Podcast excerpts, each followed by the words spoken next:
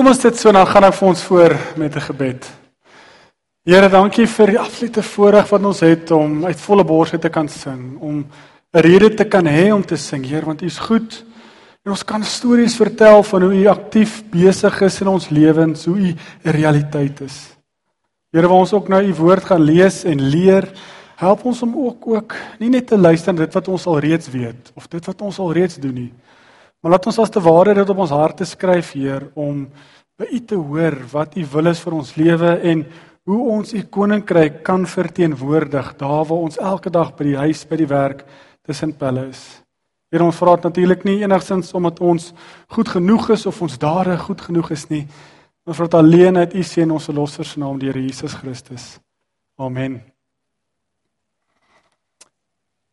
Die van ons wat dalk vir die eerste keer in die erediens sit of wat dalk besoekers is, dalk net ook verfris vir die wat al lankie sit. By verluisig is ons die afgelope paar weke besig met 'n reis.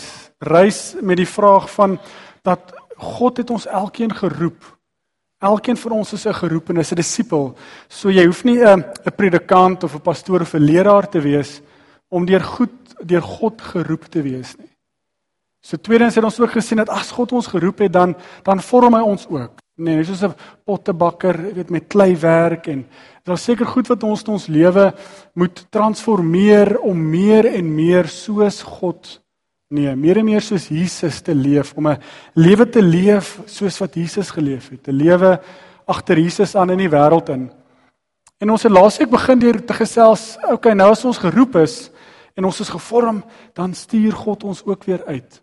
Ons het gekyk na Matteus 28 en Handelinge 1 en 2 waar dit 'n opdrag is, nê, nee, om te sê God of Jesus stuur ons uit. Hy vra ons nie, "Ag, wil jy asseblief uitgaan nie?" Hy sê dis deel van jou lewe as 'n disipel om gehoorsaam te wees aan God se roeping om hierdie daad, hierdie imperatief te gaan leef in die wêreld. Nou wil ek vandag bietjie voortbop dit om te sê as ons nou voortgaan en hierdie koninkryk van God verteenwoordig. Wat is dit? Hoe lyk dit?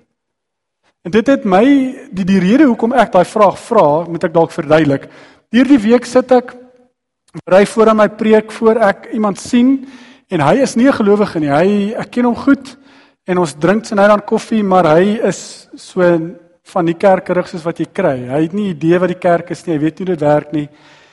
En hy sien toe waar ek werk en hy so peer my koninkryk van God. Dis dis weird. Wat is dit?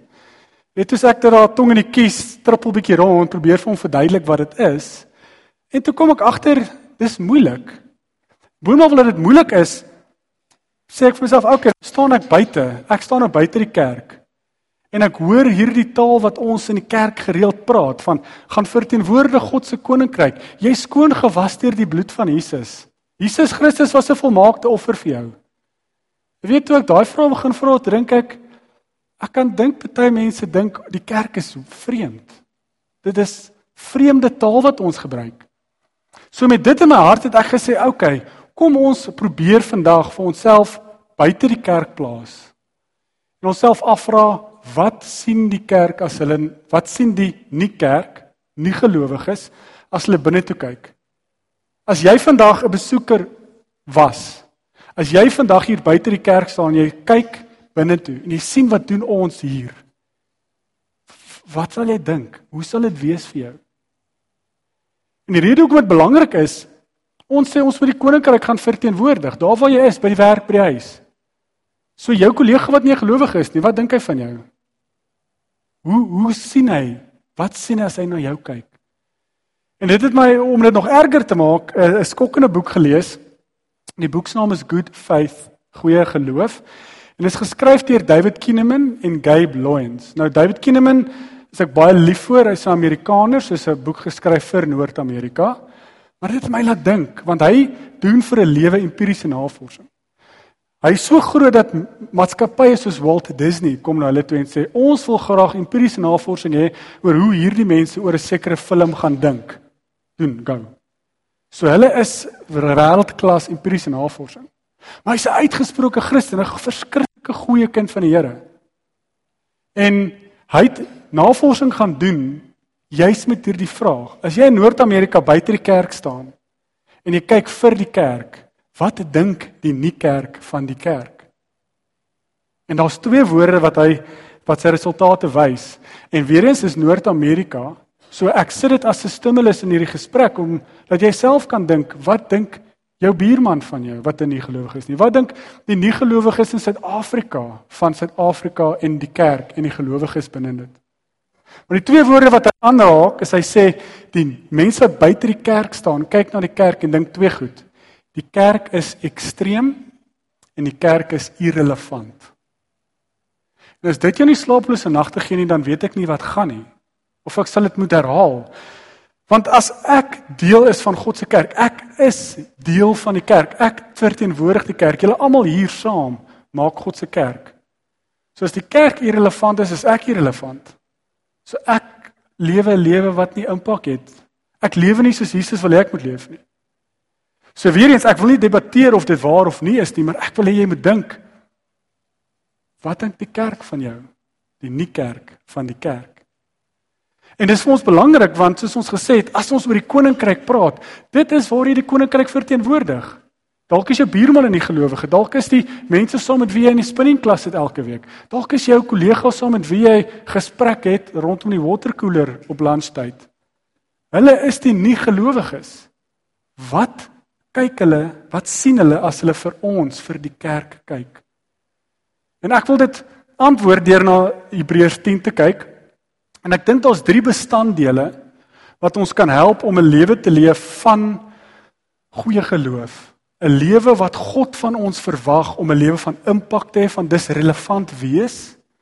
En die ekstreem kan ons oor debatteer want ons sal nou daarby kom as ons na Matteus 22 kyk. Want Jesus was so ekstreem, hy was gekruisig. Maar hy was so ekstreem dat die kerk hom kruisig.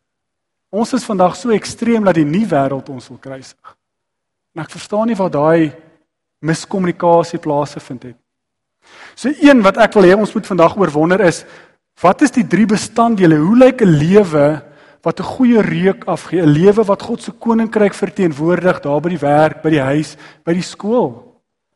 Maar ook dan wil ek op die einde 'n metafoor met ons mee los om te vra hoe kan ons prakties God se koninkryk verteenwoordig? Wat is hoe doen ons dit?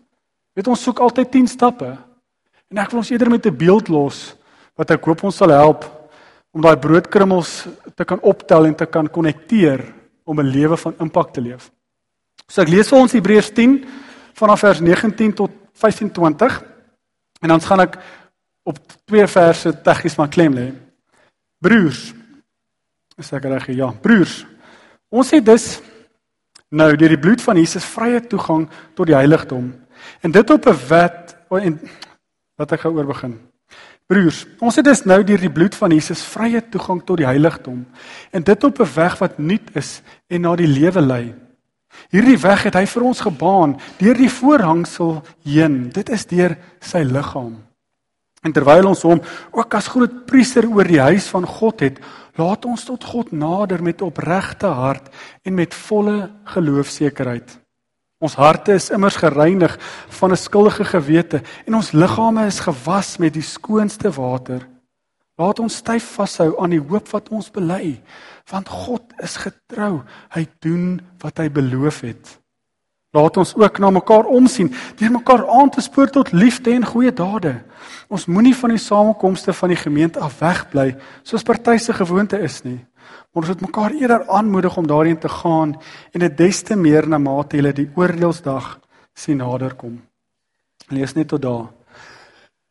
En binne in hierdie gedeelte is daar drie bestanddele wat ek voel ons regtig waar in ons lewe kan laat kweek en kan gis om 'n lewe te leef van impak, van God se koninkryk te verteenwoordig sonder om irrelevant te wees.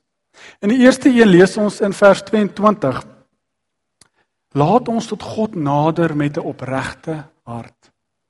So ons hoef nie baie ver te dink om te dink opregte hart is eh, met liefde nie, nê, nee, met 'n opregte skoon gewete, 'n hart wat skoon is, wat wat rein is nie. En dit is vir ons belangrik, die eerste bestanddeel opregte, 'n goeie liefde, ware liefde. Ek weet ons almal ken Johannes 3 vers 16, almal. Ons almal, dit is die een geuite term wat ons almal gebruik, jy jou naaste lief soos jouself. Maar ons lees dit in Matteus 22 vanaf vers 34 en dit is waar Jesus self sê hierdie bestanddeel is belangrik. Matteus 22, die Fariseërs, die skrifgeleerdes kom na Jesus toe en hulle wil hom met 'n hulle wil hom in 'n wip vang. Hulle wil hom uitvang. Want hy is so ekstreem dat die kerk hom kruisig. Voetnota: Is ons so ekstreem dat die kerk ons wil kruisig? Of is ons so ekstreem dat die nie kerk, dat die wêreld ons wil kruisig? Terug by die liggaam van die teks. Die Fariseer kom na Jesus en sê: "Oké, okay, jy's nou 'n rabbi, Laat ek jou 'n vraag vra. Jy sê mos jy's 'n rabbi. OK, Jesus, wat is die belangrikste gebod? Nou kan ek dink dat rabbi, jy weet hy lak sy lippe af en hy dink nou het ek jou. Weet jy sê mos jy's nou 'n profeet, maar jy tree nie op soos een nie. En nou kan ek net dink in my kop speel dit af dat Jesus net so 'n klein glimlag gee en hy sê: "O, jy bedoel dit hom 6 vers 5. Jy moet God lief hê met jou hele hart en jou hele verstand." Nou kan ek dink dat twee fariseërs draas met hom kort sê, Pieter het gesê met 'n moeilike vraag vra. Kom nou, dit is nou maklik. Maar Jesus stop nie daar nie. Wat doen hy?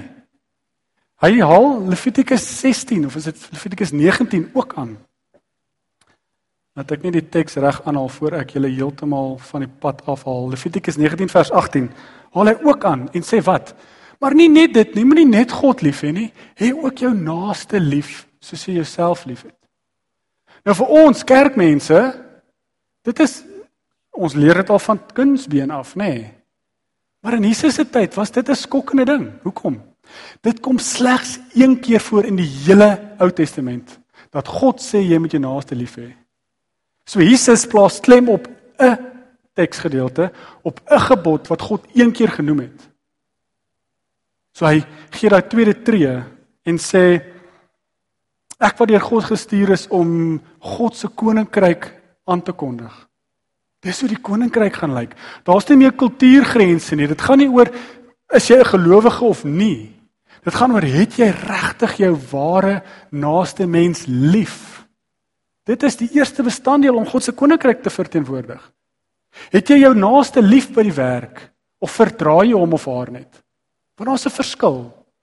Het jy regtig waar jou buurman lief wat sy hond konstant blaf? Of bel jy eerder die body corporate en maak seker dat hulle dit uitsorteer. En ek sê dit want ek is ook skuldig. Maar dis daai vraag van hoe lyk dit as ek regtig my naaste liefhet? As ek by die werk is, as ek by die huis is, as ek in die brei staan by die bank. Want dit is so ekstreem dit is vir Jesus. En ons weet dit is 'n belangrike bestanddeel want Paulus in 2 Korintiërs 8 vers 5 vat dit verder. Ons het al baie oor hierdie gedeelte gepreek. Die gemeente in Korinte brand maar 'n bietjie hulle vingers deur 'n paar goed te doen en hulle sukkel bietjie. En ehm um, Paulus antwoord hulle en sê: "Oké, okay, julle wil graag weet, kom ek gee vir julle 'n voorbeeld van 'n regtig ware goeie bestanddeel van hoe om God se koninkryk te verteenwoordig." En die mense na wie ek verwys is die Macedoniese Christene. Hy sê: "Hoekom is hulle so 'n lewe van relevantie van om God se koninkryk te wees, om goeie reuk af te gee?" Hy sê hulle het hulle self eers aan God gegee en toe aan mekaar. Wat presies is wat Jesus sê. Hê God lief met jou hele hart, gee jou hele lewe totaal en al kop, ster, tone, verstand, alles aan God. As jy dan nie outomaties begin om mekaar lief te hê, toelaat dat daai liefde gis na ander mense toe en ander mense begin aansteek nie, dan het jy jou idee van God lief, maar nie die ware lewendige God nie. En dit is wat die eerste bestanddeel is van hou op. Weet mense sê altyd vir homself, "Ja, Peer, ek verstaan dit, maar weet ons het die sondaar lief, ons haat die sonde." Sê ek, "Oké. Okay, dalk as staan ons self buite die kerk, dalk moet ons begin staan vir goed waarvoor ons is, nie vir dit waarteen ons is nie."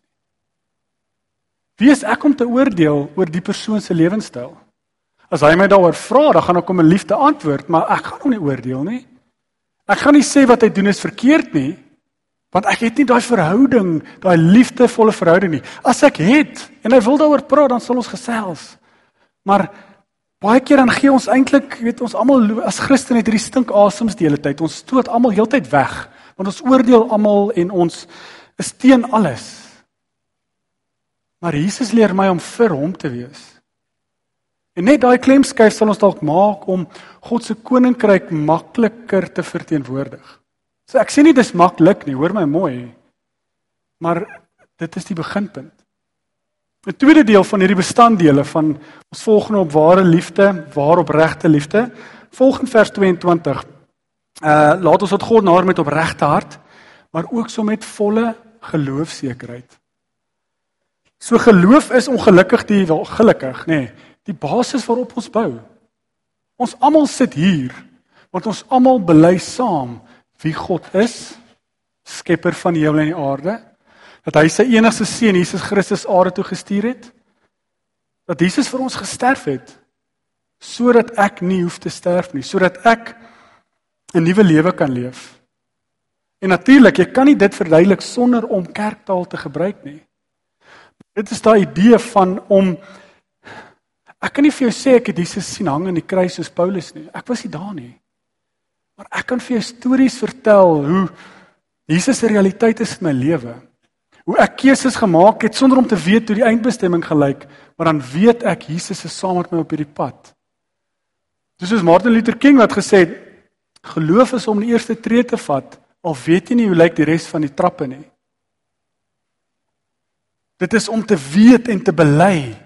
Dis 'n realiteit dat Jesus Christus is.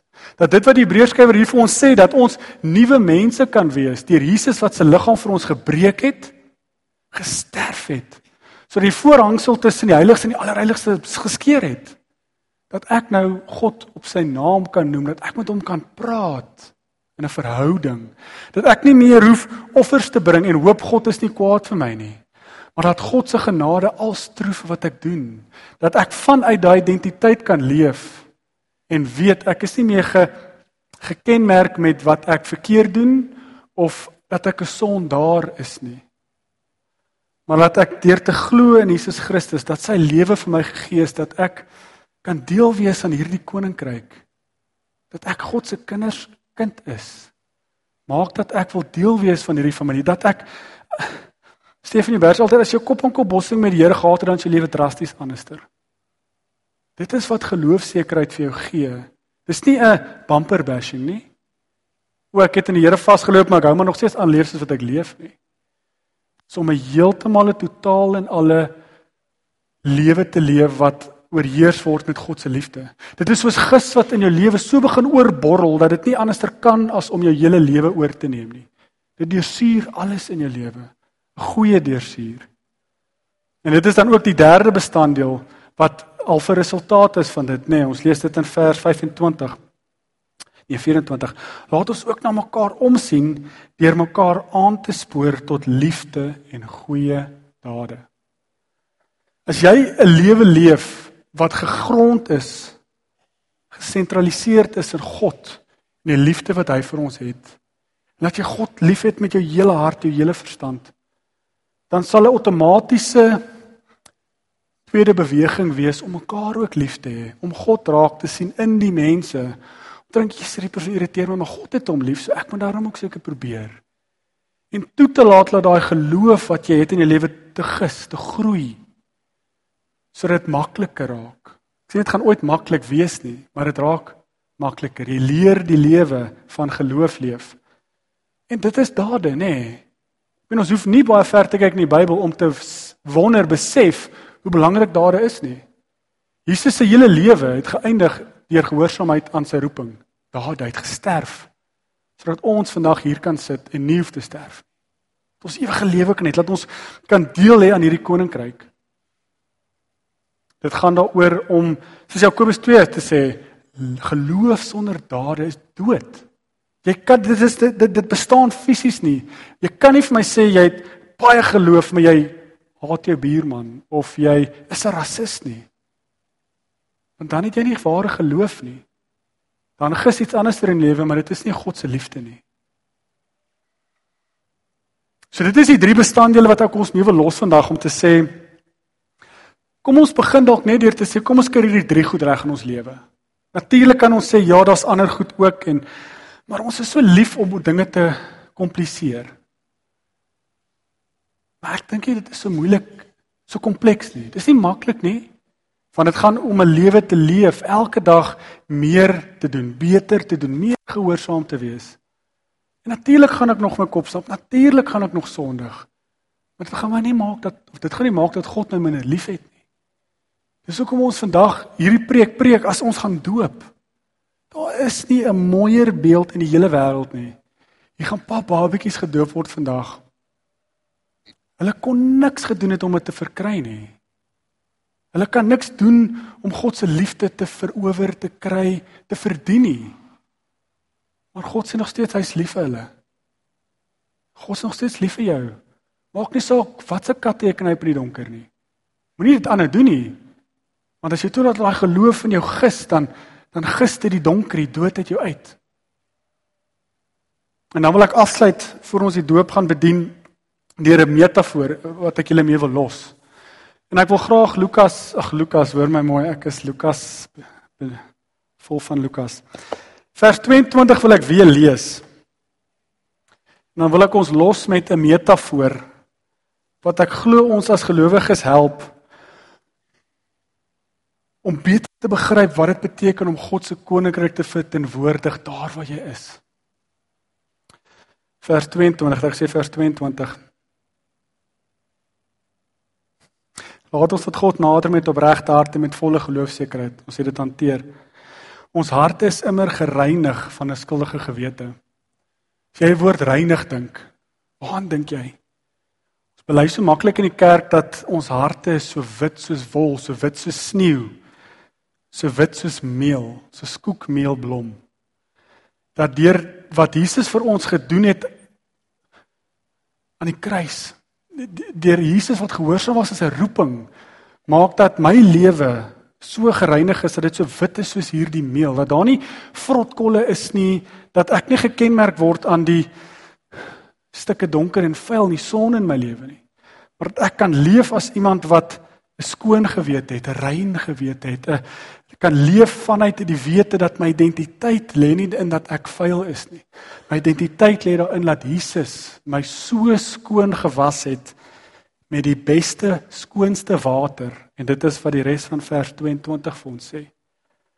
Sodat Jesus se bloed weer eens die kerktaal sorry Rian